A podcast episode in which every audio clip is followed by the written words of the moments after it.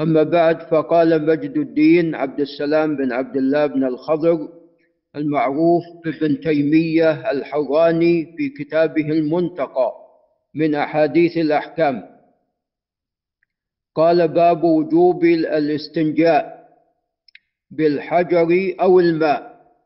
فالإنسان مخير بين أن يستعمل الحجارة أو الماء عند الاستنجاء. فلو استعمل الحجارة فإنها تجزى عنه وتقوم مقام الماء ولكن الماء أفضل وهو الغالب على فعل رسول الله صلى الله عليه وسلم أنه كان يستعمل الماء كما قالت عائشة رضي الله تعالى عنها. ولكن لو استعمل الإنسان الحجارة فإن الحجارة مجزئة. قال عن عائشة رضي الله عنها وعن أبيها أن الرسول صلى الله عليه وسلم قال إذا ذهب أحدكم إلى الغائط فليستطب. سمي استطبابا لأنه لأن الحجارة تطيب المحل وتذهب أو تزيل رطوبة رطوبة البول أو الغائط. نعم. فهذا تطيب للمحل. قال فليستطب بثلاثة أحجار فإنها تجزئ عنه. نعم أقل من ثلاثة أحجار. هذا محل خلاف بين أهل العلم.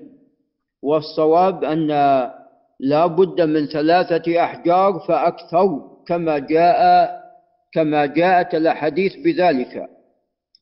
قال فإنها تجزئ عنه رواه أحمد والنسائي وأبو داود والدار قطني وقال إسناده صحيح حسن. وهذا الحديث فيه ضعف لأنه من حديث أبي حازم عن مسلم بن قرط عن عروة بن الزبير عن عائشة ومسلم بن قرط يعني فيه جهالة ليس بالمشهور وقد تفرد عن عن عروة بهذا الخبر وإن كان معنى هذا الخبر صحيحا فإنه قد جاء في الأحاديث الأخرى كما سوف يأتي.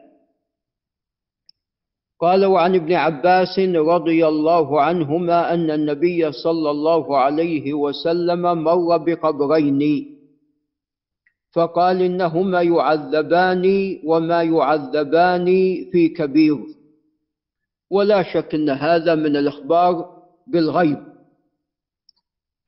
لأنه لا بد من وحي ما الذي أعلمه عليه الصلاة والسلام بأنهما يعذبان؟ فهذا وحي من الله عز وجل. ثم بين أنهما لا يعذبان في كبير. عليهما ولا يشق اجتنابهما لهذين الأمرين.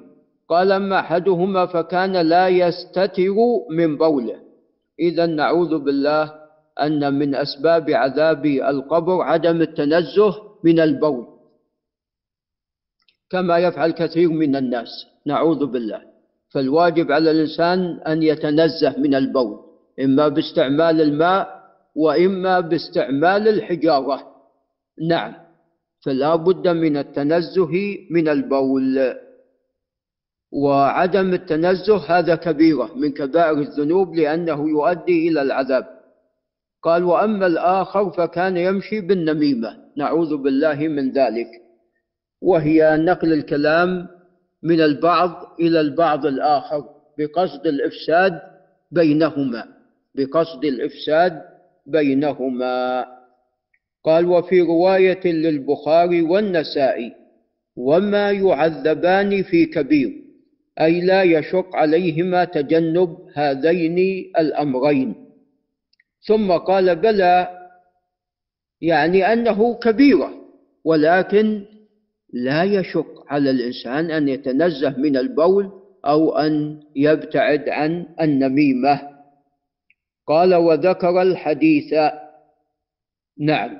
قال وعن أنس رضي الله تعالى عنه عن النبي صلى الله عليه وسلم قال تنزهوا من البول.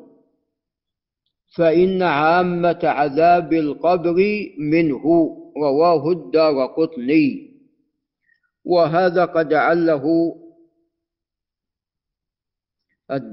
أبو حاتم والدار قطني بالإرسال. وقواه أبو زرعة. فهذا الحديث محل خلاف فيما يتعلق بصحته ولكن جاءت أحاديث بهذا المعنى أيضا لا تخلو من كلام ولكن يكفينا حديث ابن عباس السابق أن من أسباب عذاب القبر نعوذ بالله من ذلك هو عدم التنزه من البول. نعم. قال باب النهي عن الاستجمار بدون الثلاثة الأحجار. إذا لا بد من ثلاثة أحجار فأكثر. وإذا احتاج إلى رابع فالأفضل في حقه والسنة أن يأتي بخامس حتى يقطع ذلك على وتر. قال عن عبد الرحمن بن يزيد وهو ابن الأسود النخعي قال قيل لسلمان أو عبد الرحمن بن يزيد النخعي وابن أخيه عبد الرحمن بن الأسود بن يزيد النخعي. قال كلاهما ثقة. قال قيل لسلمان سلمان الفارسي رضي الله تعالى عنه ويلقب بسلمان الخير وسلمان بن الإسلام. قال علمكم نبيكم كل شيء حتى القراءة يعني حتى الآداب المتعلقة بقضاء الحاجة. فقال سلمان أجل نهانا أن نستقبل القبلة بغائط أو بول. هذا الأمر الأول وقد تقدم الكلام عنه وأن نستنجي باليمين وهذا الأمر الثاني وقد تقدم الكلام عنه وأنه لا يجوز الاستنجاء باليمين وأن يستنجي أحدنا بأقل من ثلاثة أحجار هذا الأمر الثالث. إذا لا يجوز الاستنجاء بأقل من ثلاثة أحجار الرابع أو أن يستنجي برجيع أو عظم. وقد تقدم الكلام عليه أيضا. الرجيع هو الروث النجس أو عظم والرجيع مطلقا لا يجوز استعماله أو بعظم.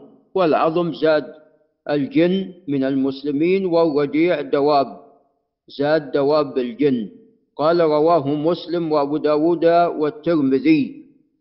قال وعن جابر بن عبد الله رضي الله تعالى عنهما أن النبي صلى الله عليه وسلم قال إذا استجمر أحدكم فليستجمر ثلاثا رواه أحمد.